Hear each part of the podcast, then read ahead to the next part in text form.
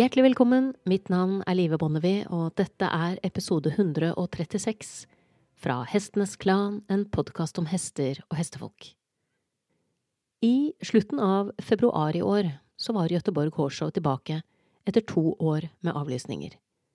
Men den delen av arrangementet som fikk mest oppmerksomhet på sosiale medier, var den delen som var minst synlig på online streaming. Det hadde seg nemlig slik at kameraet på oppvarmingsbanen hadde to blindsoner, i form av to hjørner som var out of frame, som vi kaller det i filmbransjen. To hjørner som ikke ble dekket av kameralinsen. Og det som foregikk i disse to hjørnene, ga hestesporten et nytt begrep. Et begrep vi gjerne skulle vært foruten. Det var ikke dette som var utgangspunktet da jeg tok kontakt med tidligere norgesmester i dressur, Per Våler, for en oppfølgingsprat 130 episoder senere. Men begrepet Göteborg-hjørnet ble uunngåelig ett av temaene vi måtte innom, da vi tok oss en uformell prat om livet, hestene, sporten og ikke minst om veien videre.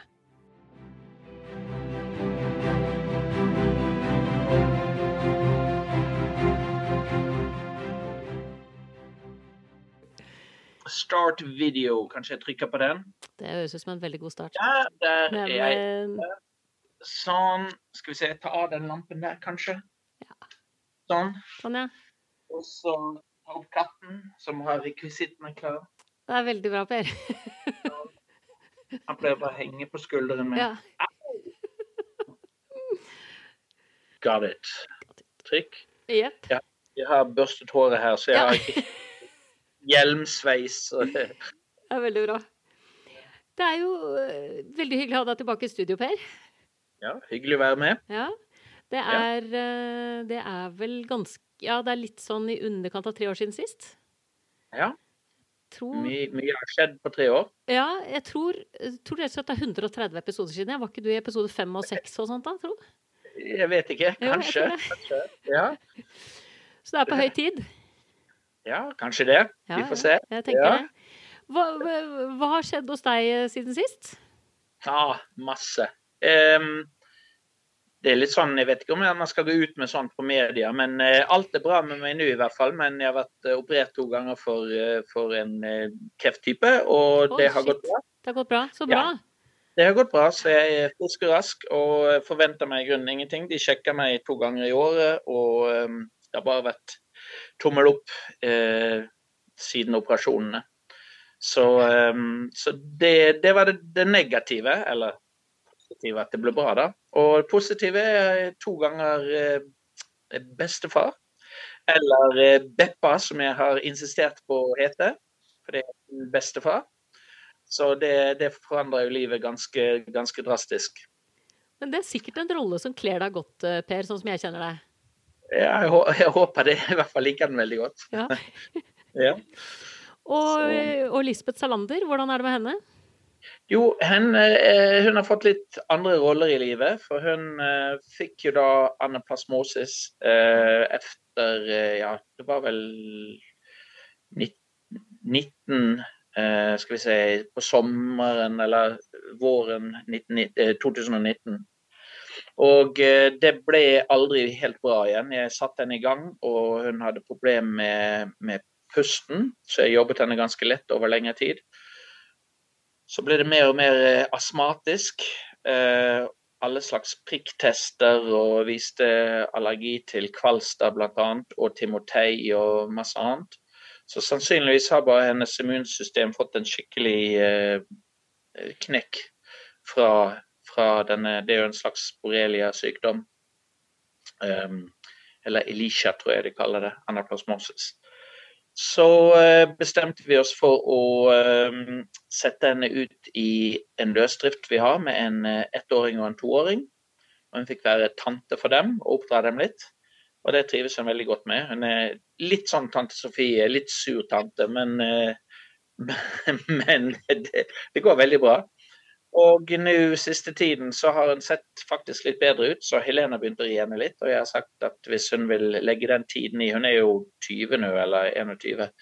Så det er jo veldig mye jobb som skal til for å få henne opp i kondisjon for relativt kort livslengde, da, hvis, hvis man er som konkurransetenker, i hvert fall. Hun har det jo utmerket bare å gå der og være tante Sofie på løsdriften, og det kan hun gjøre så lenge hun vil. Men uh, Helene rir den litt nå og har det kjempegøy med henne, så vi, vi får se hvor det bærer hen.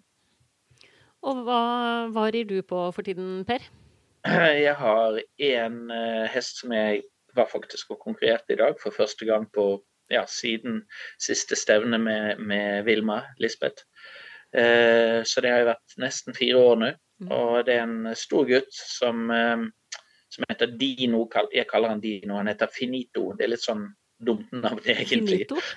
Ja, og jeg har faktisk i begynnelsen trodd litt at det kom til å være slutten på meg, for han var veldig sprek når han kom hit. Og eh, faktisk eh, ble det så at eieren som hadde den her i trening, hun innså at det aldri kom til å bli en hest for henne, og eh, spurte om jeg ville ha han, eller kjøpe den. Og jeg sa det kan jeg ikke, jeg har for mange hester. Og så spurte hun om jeg ville ha han, få han. Og det ville jeg i grunnen heller ikke, for jeg var ikke helt sikker på eh, hans helsestatus. Eh, han hadde et bakben som av og til gikk litt i lås når han bukket, og han bukket ganske ofte. Særlig på, på longene i tømskjørtene. Og eh, så hadde han en stor eh, skade hvor vannbøtten hengte seg opp i halen når han gikk inn i boksen. Og vi har jo bokser med, med sånne eh, plastgardiner rett ut i paddock, og så er det 60-70-80 meter med, med paddock på utsiden. Og han for ut gjennom utgangen med halen fast i vannbøtten. Og innen jeg kom ut og så hvor det var blitt av han, så var han vekk. Da hadde han løpt til enden av paddocken og hoppet over en stenmur. Eh, tatt med seg strømgjerdet. Og inne i svarteskogen fant jeg vannbøtten til slutt. Og så så jeg at han hadde tatt en venstresving i eh, mosen på, en, eh, på et fjell der inne. Og så hadde han hoppet gjennom et sauegjerde, og så sto han på enden av saue gjorde og så på meg. Men eh, det resulterte i ett år uten jobb. Han var eh, mer, mer, eller mindre halvt i et år. Og så har vi satt han i gang siste halvåret. Men eh, det har gått bra. Og jeg har sagt ja til å ta over. Jeg kjøpte den for ti kroner forleden. Og så var vi på vårt første stevne i dag, og det var veldig gøy. Og eh, nå har jeg et glass vin her, så jeg feirer litt. For det første stevnet på fire år, og det, var, det gikk eh, ja, over all forventning, egentlig. Så ikke det at vi vant, for det var, ikke, det var, det var egentlig ikke eh, realistisk å tro når en hest aldri har startet på et stevne før. Men eh, vi fikk kvalifiseringspoengsum på første, så vi er en gang til i middels B1, så kan vi starte høyere klasser. Og for en hest som aldri har vært på et stevne i sitt liv, så var det ganske modig, kan man tro, å starte en sånn klasse første gang. Men, eh, men eh, Eller dumdristig, kanskje, er bedre ord. Og det er vel noe som betegner hele mitt liv. Så eh, det, det, men det gikk, denne gangen gikk det bra. Fortell litt, Hvordan Så, var det å være tilbake etter fire års pause fra manesjen? Ja, altså, Jeg vet ikke om jeg noen gang ville tatt steget tilbake hvis det ikke var for Ida Marie som er hos oss igjen. Eh, Ida Marie Katnes var hos oss først i to år som arbeidselev. Og eh, i fjor så fikk jeg en telefon, um, og eh, Ida Marie spurte om hun kunne, kunne komme hjem. Og så hun er vår reservedatter her. Hun kom tilbake og er nå på fjerde år hos oss. Og hun vil jo konkurrere, og jeg vil at hun skal konkurrere og forhåpentligvis vise den type ridning jeg vil få vist frem. Så vi har kjøpt en ny hestebuss, og eh, hun har en del hester som skal ut og starte. Noen av dem våre. og Unghestene rider hun. Og eh, så tenkte jeg ja, jeg må jo slenge meg på det lasset. Så da fikk jeg meg det sparket i baken som jeg egentlig trengte. Så eh, jeg har en hest til um, som heter Tivoli. Og han, han, er ikke så mye berg-og-dal-bane som, som, eh, Dino. Han er mye, mye tammere sånn sett. Men uh, det, han kommer også til å begynne å starte ja, noen middelsklasser snart. Så rett så det er, så er jeg tilbake i hetluften igjen. Vi får se. Tenker du da det? At du kommer til å være bare, ikke bare innom på en liten gjestetur i konkurransemiljøet, men at du faktisk kommer til å begynne å starte aktivt igjen? Det, altså det, det, rare med meg er jeg har jo liksom aldri fattet det at jeg aldri kommer til å vinne olympiaden. Det har liksom ikke gått opp for meg ennå. Så jeg tror fremdeles at, at, det liksom det er på min bucketlist. Eh, så, eh, og jeg har, eh, vi har jo avlet en del hester i det siste, og jeg vet jo hva som kreves for å komme tilbake i internasjonal dressur. Og det, spil, det spiller veldig stor rolle hva du sitter på. Eh, og så vil jeg gjøre det på den måten som som eh, jeg vil gjøre det på. Hvilket er eh, ikke helt stemmer med hva dommeren eh, er ute etter. Og da er det jo enda viktigere at man har en, en veldig god hest. Så um, jeg har en lang, lang liste over ting som jeg ikke vil gjøre uh, når det gjelder uh, konkurranser og, og uh, hvordan jeg presenterer en hest. Si litt om det, Per. Hva? Si litt om den lista si litt om den listen. Mm. Ja, Først og fremst så skal det ikke gå på bekostning av hesten. Um, jeg skal ikke um, det, det, er en um, franskmann, hva heter han? Uh, jeg kommer ikke på navnet akkurat nå. Han kaller dagens dressurhester for 'the slaves of glory'. Uh, og jeg vil ikke ha en slave of glory. Um, jeg vet at det jeg gjør er egoistisk. Jeg vet at å ta hester og slenge dem på transporten og reise på stevner og eh, for å prøve å forfylle noen drøm man selv har, det er egoistisk. Men det sagt, så vil jeg gjøre det på en måte hvor hesten tar minst mulig skade. Eh, jeg, tror ikke at hester eh, elsker å konkurrere. Jeg vet fra alle hestene jeg har hatt, så, så det er merkelig hvordan de løper på transporten når du skal på stevner, men jeg tror ikke det er fordi at jeg har lyst til å starte på stevner. Jeg tror det er fordi at du bruker så mye mer tid på dem på stevne. At det blir, det blir noe spesielt når du er på stevne. Du pusser dem masse, du fletter, du er med dem, du leier dem rundt på, på stevneplassen. Du er veldig mye mer med den ene hesten på stevne enn du er hjemme. Og det tror jeg de kjenner igjen. Så hvis da selve rideerfaringen er positiv også på et stevne, eh, så, så tror jeg de syns det er helt, helt, greit. Mer enn det vet jeg ikke, men helt greit i hvert fall. Så det er å og, og, og, under den listen med å gjøre do no harm, liksom um, da, Det er mange ting i bedømningsdressur som jeg ikke er enig med. Og um, i og med at jeg ikke rider på en sånn måte at jeg får frem de tingene som kanskje er populært til enhver tid, eh, så får jeg ta konsekvensen av det. Ehm, det har jo vært litt Jeg vet ikke om du har det som noen av dine spørsmål med utviklingen i dressur, men det har jo vært en utvikling nå hvor de har faktisk tatt vekk veldig mye av reglementet som nevner at hesten skal være fremfor loddplan. Eh, og jeg har jo alltid sagt at de dømmer ikke hva som står i reglementet. Og det ville jo vært mer ærlig å endre reglementet. Jeg trodde aldri de skulle gjøre det. For det, det, det, jeg ville egentlig heller at ridningen skulle endre seg, enn at reglementet skulle endre seg. For det er en grunn til at reglementet er som det er, og det er jo for å skydde hesten. Eh, men nå har de jo endret det. Jeg tror det er 22 punkt de har endret på som, som beskriver at hesten må være på eller fremfor loddplanen.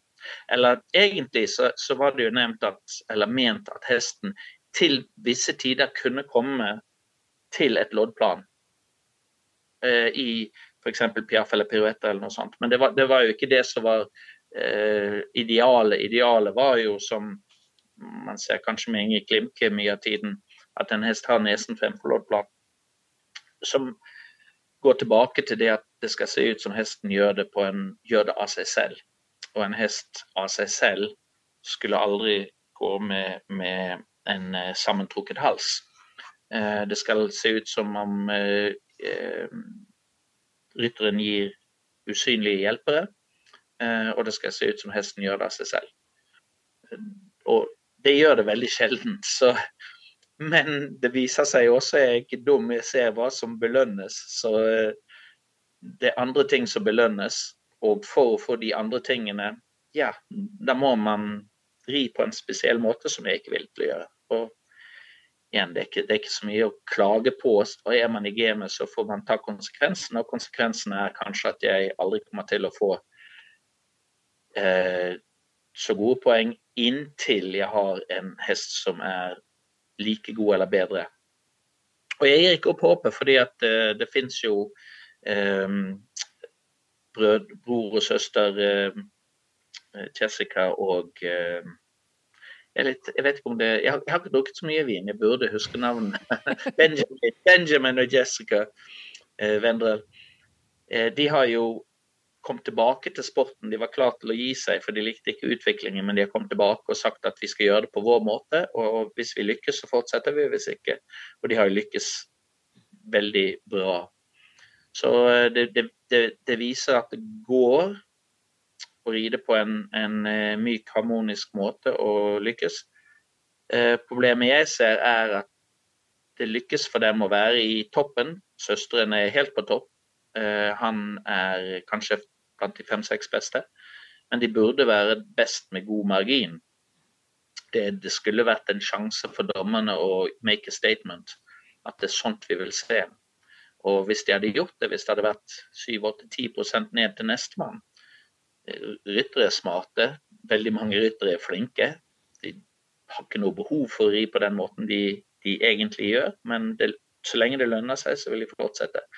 Finner de ut at det er noen som plutselig går i vei, det er akkurat som eh, V-stilen i hoppning eller hva enn det er, ser du plutselig noe som, som lykkes, så kommer alle til å endre seg. Ikke, ikke, ikke tvil. Så jeg håper at de fortsetter å gjøre det bra. Jeg håper at de fortsetter å, å, at dommerne tør å gå enda høyere. Eh, men kanskje har de malt seg litt i et hjørne, siden de allerede gir 86% på ting som mangler. Jeg vil ikke si annet enn det. Det, det finnes mangler, og de gir 86 eh, Så de har ikke så veldig mye plass å gå over. De liksom er bundet til 100 %-grensen. Men eh, om jeg er positiv? Jeg vet ikke, for jeg har trodd at nå skjer det tidligere, og det har ikke skjedd. Men jeg har ikke helt gitt opp håpet. Jeg tenker jo at det er, det er vel to steder. Det ene er jo publikum, og det andre er dommerne. Ja. Ikke sant? Dommerne som setter standarden på hva er det vi faktisk belønner på banen, og publikum som velger hva det betaler for. Uh. Og jeg tenker jo, sånn som det ser ut fra mitt ståsted altså, Det har jo vært noen tilfeller i Norge nå hvor hvor toppryttere har korrigert hesten på banen og fått ekstremt negativ oppmerksomhet som følge av det. Ja. Uh, og det er klart at Får man for mange sånne saker, så vil jo publikum stille uh, hardere krav. For det er ingen som har lyst til å sitte og se på det der. Ikke sant? Så Hvis ikke hestesporten selv skjønner at den må endre seg, så er jo mitt håp at publikum er den som endrer sporten. For det er klart hvis folk slutter å betale for å komme og se, så blir jo også litt av poenget borte. Ja. ja og det er jo denne famous uh, social license som alle snakker om. Og eh, jeg, jeg, kan ikke helt forstå at rytterne selv ikke forstår faren. Altså Man ser hva som har skjedd med, med alt fra minkfarm til uh, sirkus til altså Alt blir jo borte hvis ikke de forandrer til en måte som er, uh, som er sett på av de som ikke vet uh, bedre. For det er jo det de sier i, mot kritikken i, i dressurverdenen, at det de, de, de, som ikke vet, som kritiserer. Um, og det er, ikke, det er, ikke, sant, for jeg har kontakt med veldig mange som vet veldig mye som, som er kritiske. Eh, fantastiske mennesker som er flinke ryttere og fantastiske teoretikere, og de er veldig kritiske. Men eh, hvorfor ting som Det var jo en stor greie nå på eh, Gothenburg Horse Show, hvor en eh, person red eh, oppvarmingen sin eh, på et veldig ja, Jeg vet ikke hvordan jeg skal beskrive det. Var, det var forferdelig å se. Um, og red programmet, og det var ikke fint heller. Og um, mange som, var, som syntes synd på han, for hesten var spent, og hva gjør du i en sånn situasjon? Og mange som sa at uh, han, han, fortsatte for at hesten skulle venne seg til denne atmosfæren, for sånn og sånn. Men all, alle de argumentene, de, uh, de, Ingen av de som holder, fordi at i Code of Conduct så, så står det at hestens velferd skal gå fremfor alt. Eh, rytterens ønsker og kommersielt og sponsor og alt skal rytterens ved og velge å få. Så noen burde ha stoppet han. Eh, og eh, at de andre rytterne, at ryttere lar det, la det skje. Når det er stor sannsynlighet, sannsynlighet at sånne situasjoner kommer til å dømme sporten for alltid. Altså Forsvinner den, så kommer den aldri tilbake. Kan ikke si nå prøver vi på nytt igjen på en annen, med et annet reglement eller, eller noe sånt. Forsvinner den, så forsvinner den for alltid. Og, og eh, det er ikke så lenge det, Vi har ikke så mange sjanser før den blir vekke som olympisk sport. Nei, så ser jeg hva som skjedde med ridningen i moderne femkamp. Ja. Eh, fra det øyeblikket med Saint Boy så tok det hva da, fire, åtte, tolv uker, noe sånt. Så er ja. altså en øvelse som har vært i, i olympiske leker siden hva var det, 19, si, 1912, ute. Ja. Med et knips, et pennestrøk. Ja. Så det er klart at hvis man jeg tenker også det, For det er ikke noe mål for meg å ta knekken på hestesporten, men jeg syns at vi kan ta knekken på det som ikke fungerer. Yeah. Og det som går på, av, eh, eller på tvers av hestenes velferd. Og der, eh, der, tenker jeg at det er på tide at vi sier at nå er det nok. Altså. Nå må vi faktisk eh, bedømme det som står, som du sier. Og det er veldig uheldig hvis ting blir endret til hestens disadvantage, som det heter på godt norsk. Ja. Ja. Det er jo ikke bra. Det var jo litt vittig, for de hadde jo kameraovervåkning på oppvarmingen i Göteborg. Og, men det var jo bare del av banen. det var en del ryttere som forsvant inn i den delen som ikke ble overvåket, og, og, spanderte ganske mange ting der. Så det ble jo et sånt nytt begrep med Göteborg-hjørner etter, etter de, de, her oppvarmingene.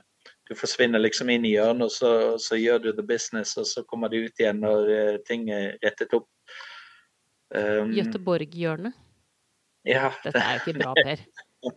Nei. Nei, det er ikke bra, altså. Så, så det, det, var bra at de hadde et kamera i det hele tatt. Og ja, uh, veldig synd at de ikke hadde flere kameraer eller et annet perspektiv som man så hele. Så, men det skal være fysiske mennesker der som følger med også? Uh, ja, men, men jeg tror deres regler, deres reglement eller regelverk som de skal følge, det er sånn Altså det er så veldig opp til, til å synes, eller altså hva, hva er, Hvor er grensen for, hva er grensen for overgrep, liksom? Det må være ganske tøft før de eh, kan sette foten ned. Og det, det burde jo være noen slags nulltoleranse der. Og hvis, fra, fra en rytters perspektiv, hvis du har veldig strikte regler, så kan det gå utover deg.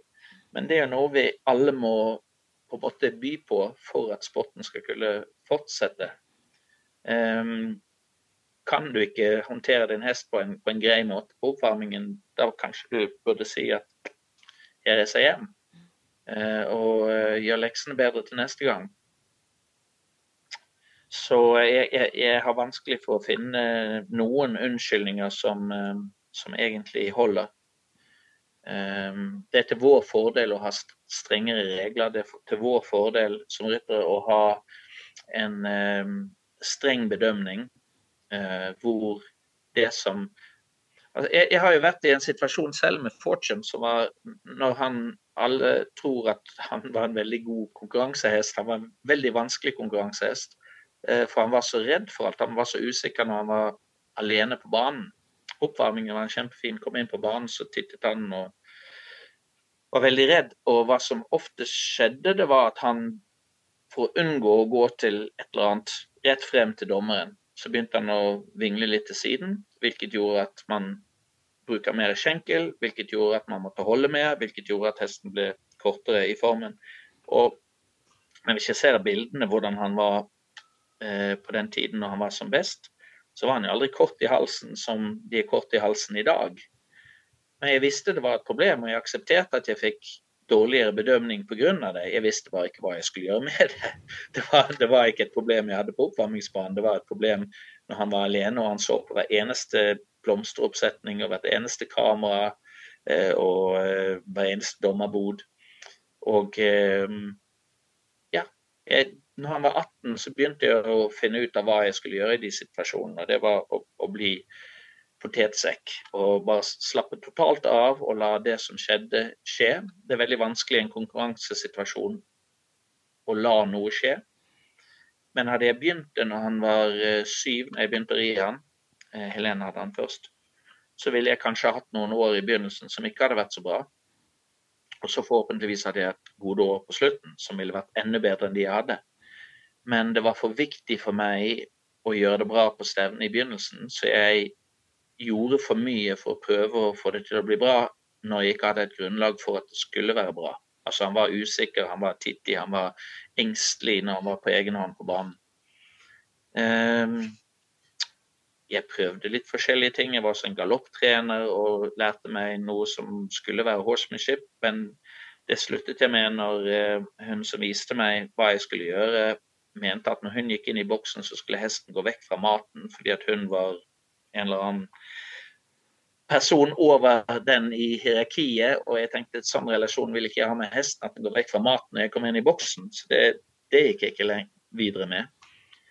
Eh, men jeg kom til visse ting. Det var bare det at jeg brukte mer tid og skrittet hesten rundt, leide den rundt på stevnedagen med høyttalere på og flagg og alt sånt. Det hadde en viss effekt. jeg fant noen ting som fungerte. Men først på slutten fant jeg ut det som fungerte best, og det jeg jo bruker jeg nå på andre hester som titter. Og ikke gjøre noen ting når hesten titter. La, la, det sakke ned. la det, Ikke stille den vekk fra det den er redd for å bruke innerskjenkel og alt det tøvet.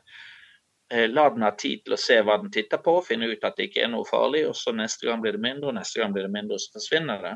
Istedenfor at det eskalerer og du alltid må være på vakt og, og uh, være den som gjør opp for at hesten ikke vil noe.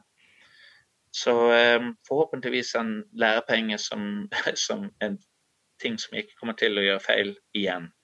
Men eh, det, er litt, det, er litt, sånn Nå er jeg jo 63, og jeg tenker at det er så dumt at jeg kom til disse innsiktene så sent. Jeg skulle gjerne ha hatt en mentor tidligere som hadde gått gjennom dette, så jeg kunne begynt liksom som 20-åring og, og, og ikke behøvde å gjøre disse feilene. Men eh, jeg får jo bli buddhist, altså. Kanskje, kanskje jeg blir født igjen og husker hva jeg har lært og kan fortsette. Det blir jo på en måte den, hva skal jeg si, den eh, oppvoksende generasjonen man må sette sin lit til, tenker jeg. Ja. Ikke sant? For at den vranglæren som noen av oss har rotet oss borti, er jo ikke så lett å viske ut. Det er bortimot umulig, er min erfaring.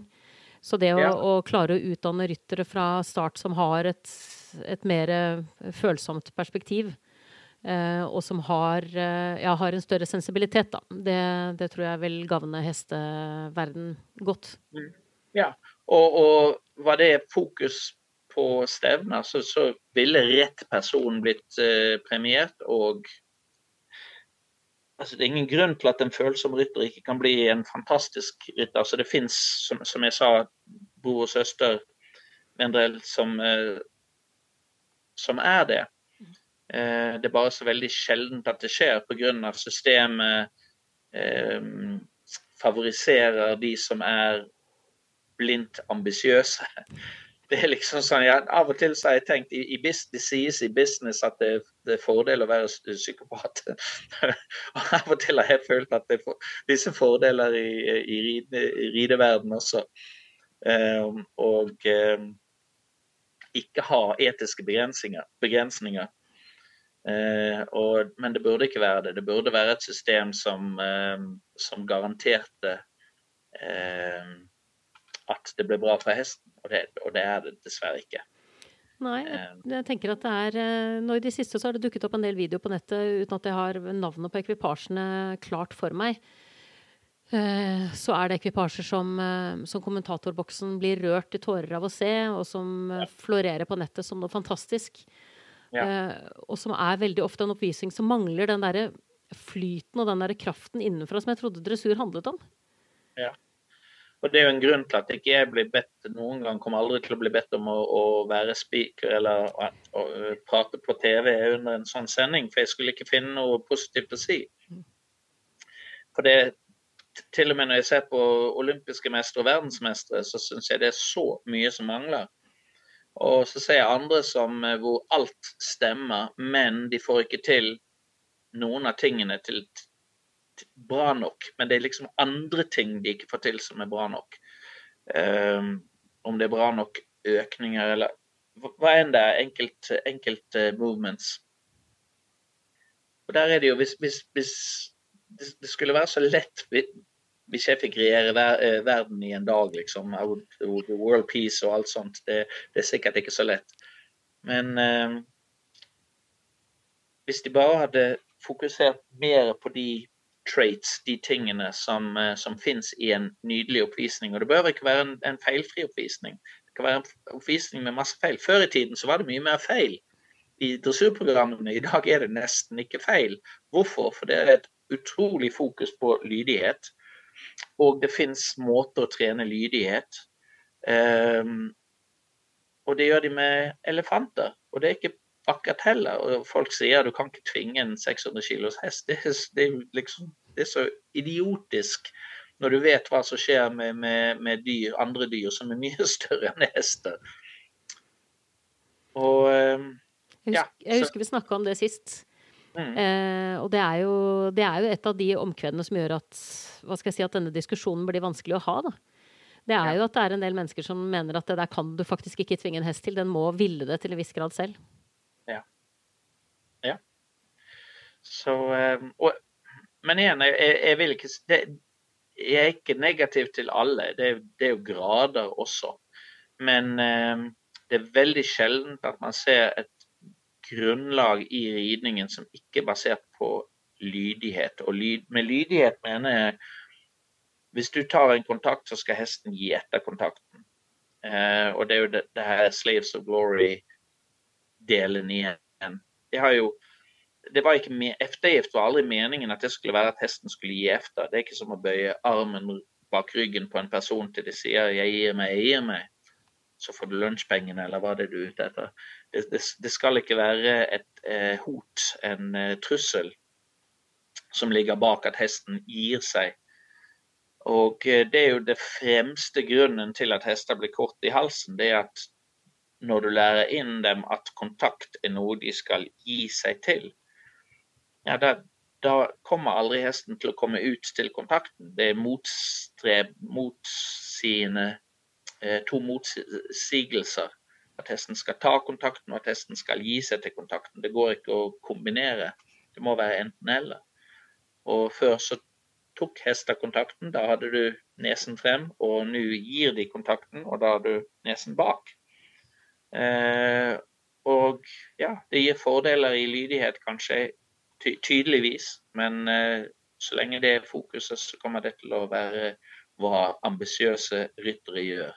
Fordi eh, du, du, er ikke konkurranserytter for å komme lengst ned på, på listen, liksom. Det, du har andre, andre ting du, du, ønsker deg. Du har sagt at eh, det er en målsetting at hesten har samme begeistring og glede på banen som det man kan se hos hunder som driver med agility. Ja. Si litt om det. Mm altså for, for, å få, for, å få, det til, så eh, innenfor denne, dette bildet av at hesten skal se ut som den gjør det selv, eh, så, så, må det jo Så får det ikke være noe eh, som jeg sa tidligere, hot. Det får ikke være noe det svenske trussel som ligger bak at hesten gjør som du vil. Så det må oppfordres til gjennom belønning. Det kan hende du må gjøre ting for å rettlede hesten til belønning. Eh, og det er litt sånn Når jeg snakker dressurteori, så snakker jeg om korreksjoner. En korreksjon er noe som får hesten mer oppmerksom på en viss ting. Eh, sånn at neste gang kanskje den oppdager om det er en skjenkel, en lett skjenkel f.eks. Ofte prater jeg om legger en lett skjenkel til, og hvis hesten ikke merker skjenkelen, så kan du gjøre en korreksjon som kan være et lite tepp med pisken bak skjenkelen. Eh, en korreksjon får aldri komme til det nivået hvor hesten blir usikker eller redd. Det må være som en sovende elev på skolen hvor læreren klapper hendene sammen og vedkommende sier hva da, hva da? Eh, det skal alltid være følelsen av svaret til hesten. Hva da, hva da? Jeg hørte jo. Selv om de kanskje var oppmerksom på noe annet. Eh, bare, bare, si mens jeg prater om det, at det gjør man aldri når hesten er redd for noe utenfor ridebanen eller noe som ikke har med deg og hesten å gjøre.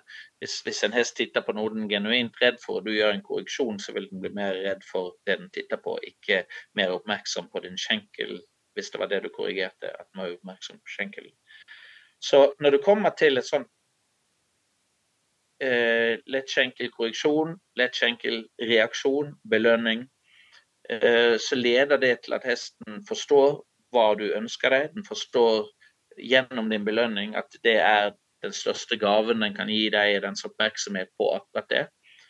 Og så kommer du til denne delen hvor hesten søker belønning gjennom å gjøre seg klar, gjennom å prioritere, mentalt prioritere det du ønsker deg.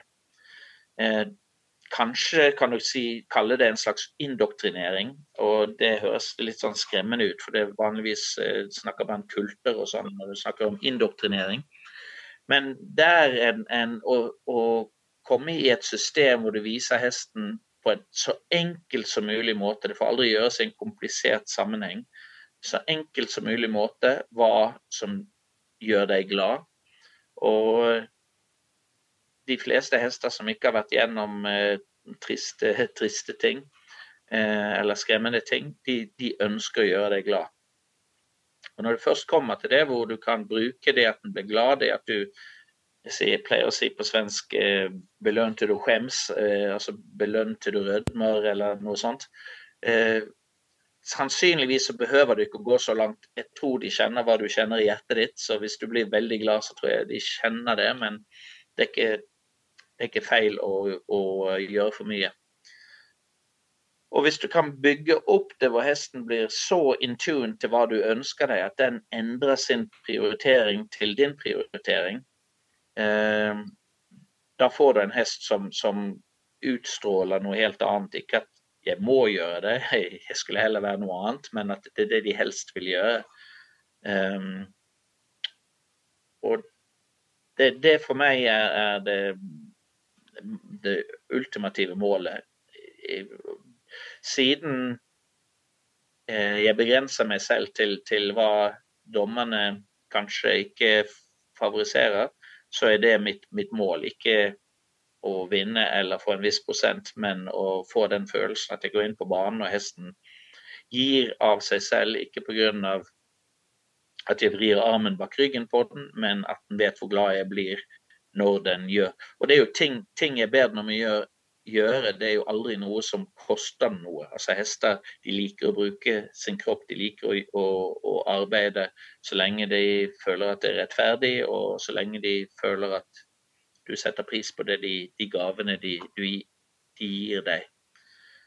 Um, så hvis du kan begynne en utvikling fra det aller, aller første med unghester, og vise dem fra dag én hvilken prioritering som du har, som du vil at de skal forstå, så er det samme prioriteringen som du trenger for å gjøre alle de vanskeligste tingene i, i Grand Prix. Og da blir den vanskeligste dansen du noen gang gjør med din hest, det er den første Let's C-en. Lett B blir litt lettere, for det er akkurat det samme. Og hesten har blitt litt mer eh, moden og litt sterkere. Og det er lettere for den å gjøre en 10 meters volte enn det var i begynnelsen å gjøre en 15 meters volte. Og lett A er litt lettere enn lett B1 fordi det er akkurat det samme. Samme svingebalanse, samme horisontal balanse, samme bydning. Alt er det samme. Men den har blitt litt sterkere, den har modnet litt mer. Og relativt sett så er øvelsen i lett A lettere for den hesten, for det er samme system, samme skolegang. Og det blir lettere og lettere inntil en dag du rider Grand Prix, og det er det letteste programmet du rider, fordi at da er den fullstendig eh, eh, både fysisk og psykisk klar for oppgiften. Og det er akkurat det samme som gjorde en volte, 15 meters volte i lett C, er det samme som skal til for at den gjør en galopppiruett i Grand Prix det, det samme tingen. Det er ikke noe nytt du behøver å lære hesten eh, etter hvert. Og Det eneste nye kanskje er galoppbytter. Det litt, eh, kan være litt tricky for noen hester. Litt avhengig av eh, både fysisk og psykisk hvor god galoppen er, og om de kanskje hisser seg opp, eller det er mange ting som kan skje akkurat. Så det er en definitivt grense for do or don't. Mange som kanskje aldri kommer videre pga. akkurat med bytte. Men utenom det så er alt, eh, alt det samme. En, en trav til skrittovergang er det samme som en passasje til piaffovergang. Det samme tingen hesten må tenke for å gjøre en bra trav til skrittovergang. Eh, og det kan du lære hesten allerede i, i Let's Se.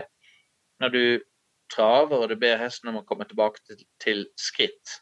Eh, hvis du lærer den gjennom å skape erfaring at å vente på meg, men fremdeles være klar til å gå frem, er det som gjør meg glad. Da vil du hver gang du gjør en overgang fra trav til skritt, og du ber hesten forsiktig med Det spiller ingen rolle hvilken hjelpere man bruker, men man strekker opp, man stemmer av det som vil gå frem. Man skal ha en hest som tar kontakten og aksepterer bittet og er, ikke tenker på at den har bitt i munnen. Og så ber du den om å komme tilbake. Hvis den kommer tilbake til skritt, fremdeles klar til å gå frem, da vil den minste skjenkel få deg tilbake i trav igjen. Altså den minste, en, en sommerfuglskjenkel, pleier å kalle det. De kan kjenne en flue som lander. Hvis den ikke kjenner en lett skjenkel etter den har kommet tilbake til skritt, da har dens fokus gått på noe annet, oftest på bittet, for det er det letteste stedet hvor fokus går, det største konfliktområdet på, med, som rytter. Eh, hvis man rir med bitt, hvis man ikke har bitless, da er det, da er det lettere med sideball f.eks. Men med bitt i munnen så er det lettest for at fokuset går destruktivt til bittet, at hesten blir for fokusert. Og Da vil den ikke merke skjenkelen.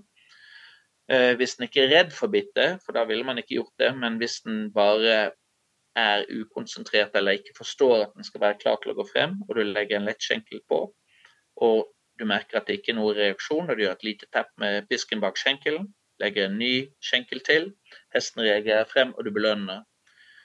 Da har du vist den at jeg ble ikke glad for at du gikk til skritt. Jeg ble glad når du gikk frem. Så gjør du neste overgangen akkurat det samme. Du stemmer av, du ber den komme tilbake til skritt. Den kommer til skritt. Du tester med en lett skjenkel. Kanskje den fremdeles ikke merker skjenkelen. Du gjør et lite nudd med pisken. Neste skjenkel, den går til trav. Tredje gangen så kommer du forsiktig tilbake til skritt. Hesten kommer til skritt, du legger en lett skjenkel til, og den går frem til trav, og du belønner den direkte. Da har du fått gjennom i dette tilfellet tre erfaringer. Har du vist hesten hva du var ute etter gjennom å bli veldig glad når den til slutt ga deg det du ville, hvilket var bydning. For bydning, det er den klar til å gå frem tanken som må finnes for at hesten skal holde seg aktiv selv når du ber den om å komme tilbake. For å stoppe det hjelper det ikke noe. Å lære en hest å stoppe Du kan aldri ha Eh, bibeholdt aktivitet når en hest tenker at den skal stoppe. Du må lære den å vente. For vent, det er ingen mot, mot eh, motsigelse mellom å vente og være klar til å gå frem. Vi gjør det alle sammen når vi sitter på, på et stopplys og det er gult og du vet at det blir grønt. Du venter på å, å gasse selv om du står stille. Så Gjennom å gjøre det, så har du den tredje overgangen. Hvis du ser på de tre overgangene, så vil de to første ha, blitt, ha vært stoppoverganger, hvor hesten ikke har trampet inn i overgangen fremdeles aktiv, men den tredje gangen, pga. de to tidligere, så har hesten vendt sitt fokus til hva skjer etter jeg kom til skritt. Den lette skjenkelen må jeg være klar til å gå frem. Eh, og da vil overgangen se helt annerledes ut. Da vil hesten trampe inn i overgangen. Og når du kjenner det da, kanskje fjerde gangen, at hesten du ber den om å vente, og den tramper inn i overgangen, den stopper ikke. Når den så kommer til skritt, så vender man sitt fokus, og så man, gir man hånden, og så sier man eh, 'hold det selv'. For hva man ikke vil, er å ha en hest som er så fremovertenkende at du må holde den hele tiden, for da, du, eh, da skaper du spenning det som er pendulum. Det, det, det, kan svinge både begge veier kan det svinge feil. En hest kan stoppe for mye, men den kan også være for tagget til å gå frem. Det ideelle er at det er en mental tilstand. At hesten er klar til å gå frem, men at den ikke utagerer på det. Og da har jeg litt grann, eh, jeg bruker Usain Bolt som min, min eh, eh, ja, hva det nå heter når jeg skaper et bilde. For alle, alle, kjenner til Usain Bolt. Jeg ser Usain Bolt på startstreken. Han byr mer frem enn noen annet menneske i verden, eller varelse, noen creature. Og det å stå stille, ingen som holder han fra å tjuvstarte. Han står helt stille, musestille, og han venter på et startskudd. En hest som lærer seg gjennom erfaring å alltid være klar til å gå frem, aldri at det finnes en konsekvens å tjuvstarte. Det blir aldri et napp i munnen, det blir aldri noe annet enn bare eh, at du som rytter sier godt forsøk, men kom tilbake, vent litt, og du gjør det sikkert bedre neste gang. En hest som er ambisiøs fremover. Da plutselig en dag så går du fra trav til skritt, og så får du noen tramp med piaff på veien fordi at hesten holder seg så klar til å gå frem. Uten at du noen gang behøver å ride med en pisk, uten at du noen gang behøver å ha en spore. Bare gjennom å skape en mental prosess hvor hesten begynner å tenke rett. Så mental is anything. Eh, alt handler om Og det vet vi jo i, i human eh, sport, hvor viktig det er med mental eh, trening. og alle, Vi i Norge har jo alltid sett uh, i hoppsporten Jeg vet ikke om noen nordmenn ikke er interessert i hopp, men i hvert fall uh, hver gang de lander på kulen så sier de jeg ville for mye. Altså, det er et sånn klassisk eksempel på hvor viktig det er å ha de rette tankene. Og eh, for, for oss ryttere så er det, det er greit med å, kunne, å, ikke bli nervøs når du starter, og at det kan bli destruktivt. Men det aller, aller viktigste er at hesten tenker riktig. Og de, kanskje det høres litt sånn religiøs ut med rettroende og alt sånt. Og ofte blir jeg kalt pastoper, så det er kanskje litt, litt sånn religiøst med det også. Men jeg ser ikke at det er destruktivt for hesten å tenke klar til å gå frem til enhver tid, så lenge det ikke leder til en konflikt med meg. Og det, det, er jo mitt ansvar. Jeg ansvarer jo alltid for å unngå konflikt med hesten. Det er mye selvdisiplin, altså for rytterens vedkommende. Altså dette med å klare å hva skal jeg si, holde denne påtrengende ambisjonen uh, litt i tøylene. Først, først, må du jo vite hva du er ute etter. Det er det viktigste. Du må, må ha et blueprint i hodet ditt. Og det er veldig vanskelig å få det blueprintet hvis du begynner som ponnirytter, og ditt mål er å vinne ponniklasser. Og så går du til juniorrytter, og ditt mål er å vinne juniorklasser, etc., etc., etc. Så har du aldri egentlig tiden å lære å ri, og mange kommer til å ta det negativt hvis, hvis de det i det hele tatt hører på din pod, det vet jeg ikke. Men, men eh, det er noe helt annet som skal til for å lære å ri enn å lære å konkurrere. Det er, to, det er liksom to helt forskjellige ting. Er ikke det litt pussig?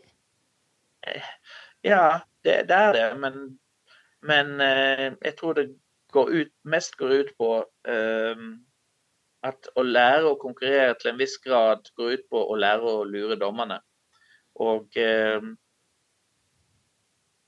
i, i, så fall, det, det, kan, det, det, kan, ikke jeg lære bort. Jeg er ikke god nok til det. Jeg har, jeg har, aldri lagt noe tid i å lære meg det. Så jeg er en kjempedårlig trener til, hvis det er det du vil lære deg, eh, triksene. Jeg har hatt mange elever som kommer og sier de vil ha hjelp med ditt og ditt, og det er aldri det jeg jobber med. Jeg finner jeg leter etter den tingen, den minste fellesnevneren som mangler, og så prøver jeg å, å jobbe med det. Og hvis det er en Grand Prix-hest som gjør en dårlig eh, overgang tilbake fra passasje til piaff, så kommer den sannsynligvis til å gjøre en overgang, dårlig overgang fra trav til skritt. Så jobber jeg med det. det. det. må komme først. Og det er mye lettere for hesten å forstå hva den har gjort feil, når du gjør en enklere øvelse hvor feilen allikevel oppstår. Det er mye lettere for et barn som ikke forstår matematikk i 5., 6., 7. klasse, å forstå hvis du går tilbake, tilbake, tilbake til noe de forstår, så finner du ut ah, det var det de Det er der, der jeg har mistet dem. Eh, og det er, mange, det er, mange, ting som kan ha gått feil på veien til Grand Prix, som, som gjør at du blir begrenset på enden. Og det er jo, prater om hva er mitt mål. Mitt mål er å komme til enden uten begrensninger. Og jeg, all min erfaring har lært meg at det finnes bare én måte. Eh, og det er en suksessiv utdannelse hvor eh, det samme gjelder i begynnelsen som på slutten. Og hesten forstår det mer og mer. Og de blir sterkere, eh, uproporsjonerlig sterkere i forhold til kravene. Så det blir lettere for dem å gjøre de vanskeligere tingene enn det var å gjøre de lette tingene i begynnelsen.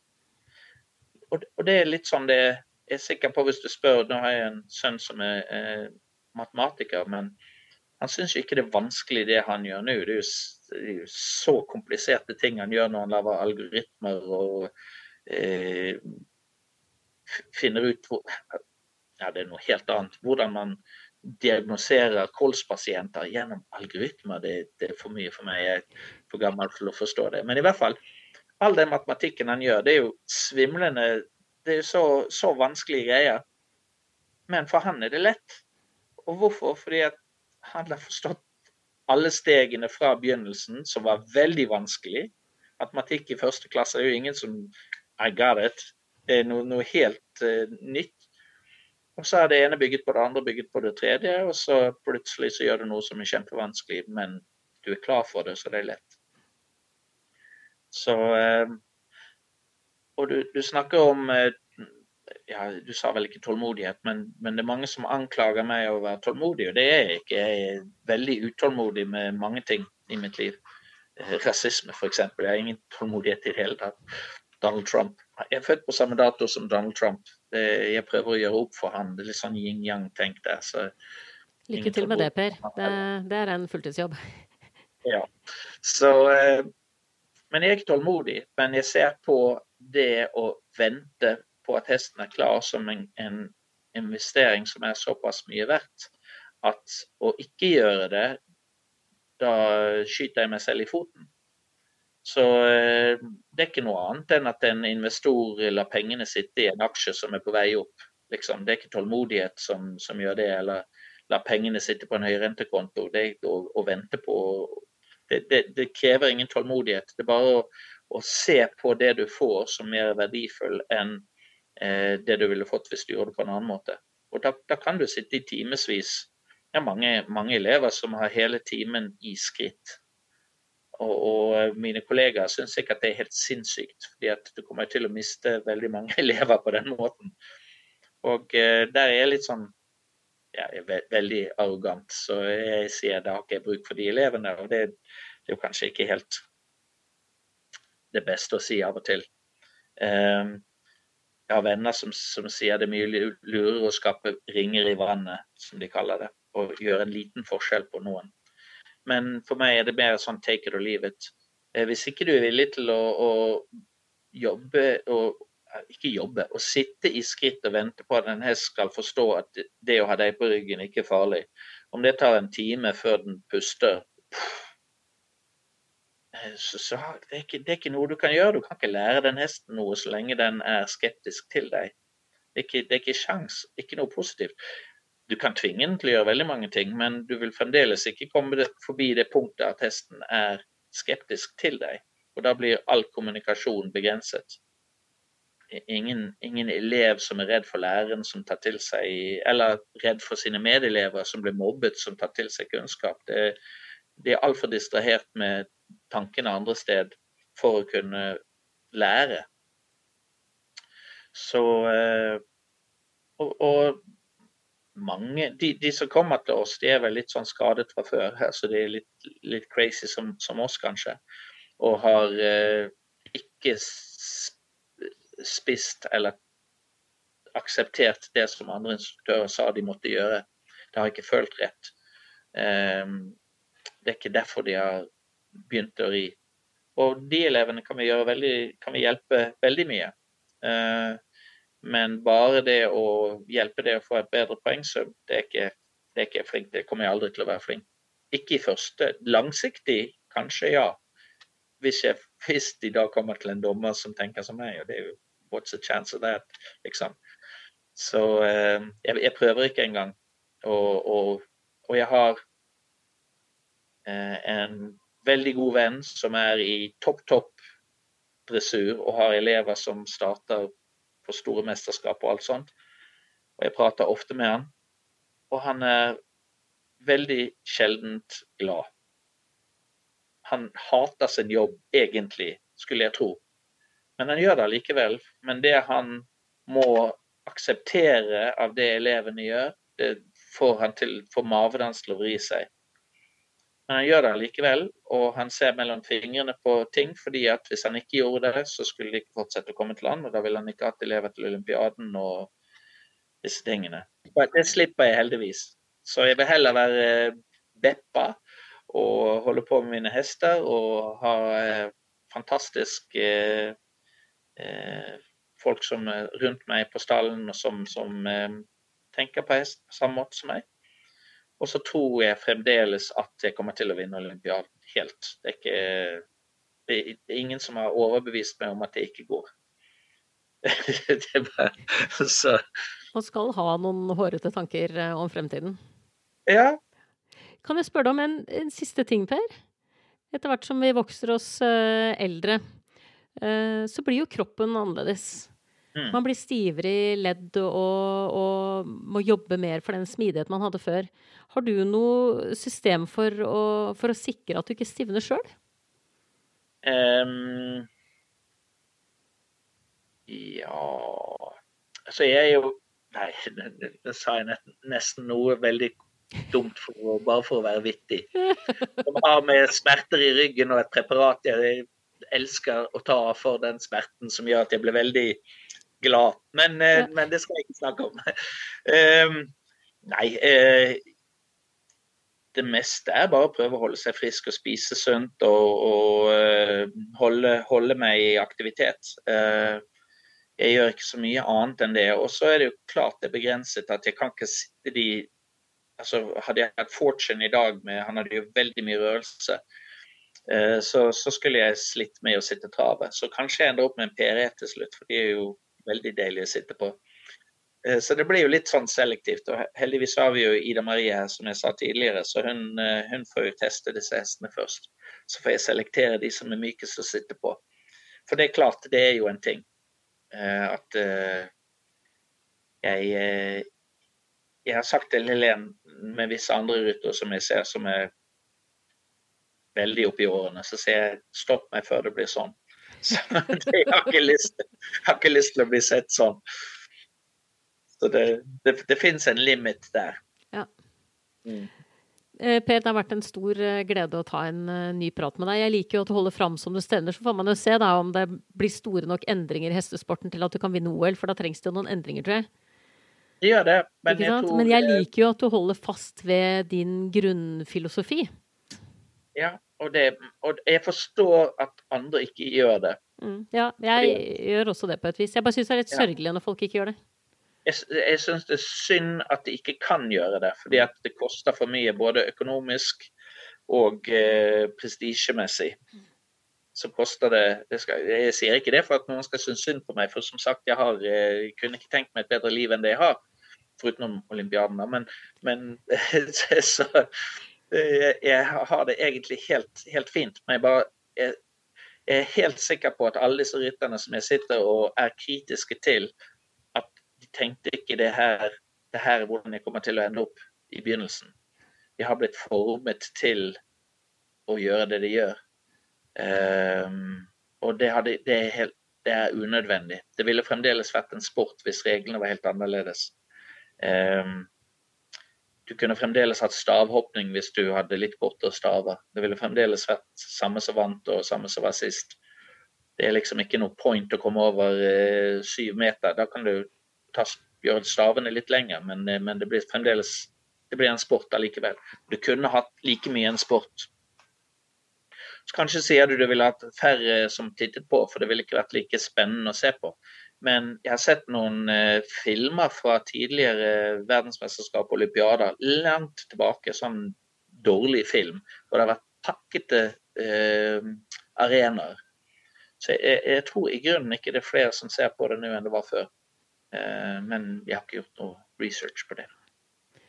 Spennende å følge det videre, Per, og spennende å se hva det blir, eh, blir, med deg på konkurransebanen også, sånn sett. Det er jo artig å høre at du er tilbake i manesjen igjen. Jeg tenker at det er fint at, at folk med det tankesettet som du har, eh, er ute og konkurrerer litt, ja da. Ja, det Jeg har jo truffet flere av den støpninga. Dere er jo i mindretall, vil jeg si, men, men, men, det er jo folk der ute som, som prøver å utgjøre en forskjell. Ja, jo da, det er det. Så, eh, og jeg, jeg skulle ønske det var flere av kollegaene mine Det er jo fine, fine mennesker og alt sånt, men som ikke ikke følte at de måtte gå inn i, i eh, denne ja, hva skal man kalle det, løvens hule, gjøre det som kreves. Og det ser man jo på sosiale medier, hva de legger ut og sånn. Det, det, er ting som jeg aldri skulle legge ut. Um, og uh, det, det, det, det syns jeg er litt trist. For det, det, er mennesker som er flinke nok, plenty flinke nok, til å kunne gjøre det på en annen måte. Mm. Takk skal du ha, Per. Det var hyggelig å okay. få et lite gjenhør med deg og se eller noe med å ta pulsen tre år senere og se hvor er vi nå. Du er tilbake igjen manesjen for å starte et sted. Ja. Så det blir spennende, spennende, å følge deg videre. Ja, men takk for det, du. Så spennende å følge dressuren videre. Det, det, det er som sagt noen små lyspunkt. Ja, jeg syns også det er det, altså. Men eh, om det blir for lite for sent, det vet jeg ikke. Og så en annen, helt annen ting. Hvem skal vi klage på når sporten forsvinner? De som påpekte feilene, eller de som gjorde feilene? Og det, det, det, bør vi begynne å tenke på allerede nå. Hvem skal bli held accountable når hele, hele sporten forsvinner? For det, Vi har ikke så mye å gå på når det gjelder social license. Undersøkelser i England som viser at uh, det er et stort flertall som ikke vil at det skal være hestesport. Så uh, det kommer litt, men spørsmålet er om det er for lite for sent. Det blir veldig spennende å se. Er, uh, jeg tror Man ser jo det også basert på de tilfellene vi har hatt i Norge i det siste, at de som på en måte tråkker over streken, har ikke helt tatt inn over seg hvor, hvor vi har havnet. Altså hvor, hvor, lite som skal til før du får en opinion med en kraft à ja. la den vi så i forhold til moderne femkamp. Ikke at man skal sammenligne mye hestesport med det vi fikk se på banen der, men, men, uh, men det er noen utfordringer der som, som, man er nødt til å ta på alvor nå. Det er rett og slett. Det er ikke noen vei utenom. Så Nei, men Strålende, Per. Vi, vi holder fram som vi stevner, og så vi, får vi se da, hvordan det utvikler seg de neste. Jeg tenker De neste fem årene kommer til å bety mye. Jeg tror de neste fem årene det, det, er do or die. Det tror jeg helt sikkert. Jeg tror ikke det går lenger enn fem år eh, hvis ikke det blir store forandringer. Du har nettopp hørt episode 136 fra Hestenes Klan, en podkast om hester og hestefolk. Og spørsmålet du bør stille deg selv i dag, er følgende. Er du en del av løsningen eller en del av problemet? Hva er ditt bidrag, og på hvilken måte ønsker du å utgjøre en forskjell? Da gjenstår det bare for meg å takke min faste komponist Fredrik Blom, min gjest Per Waaler, og sist, men ikke minst vil jeg som alltid takke deg, kjære lytter, for tålmodigheten. Måtte hesten for alltid være med deg.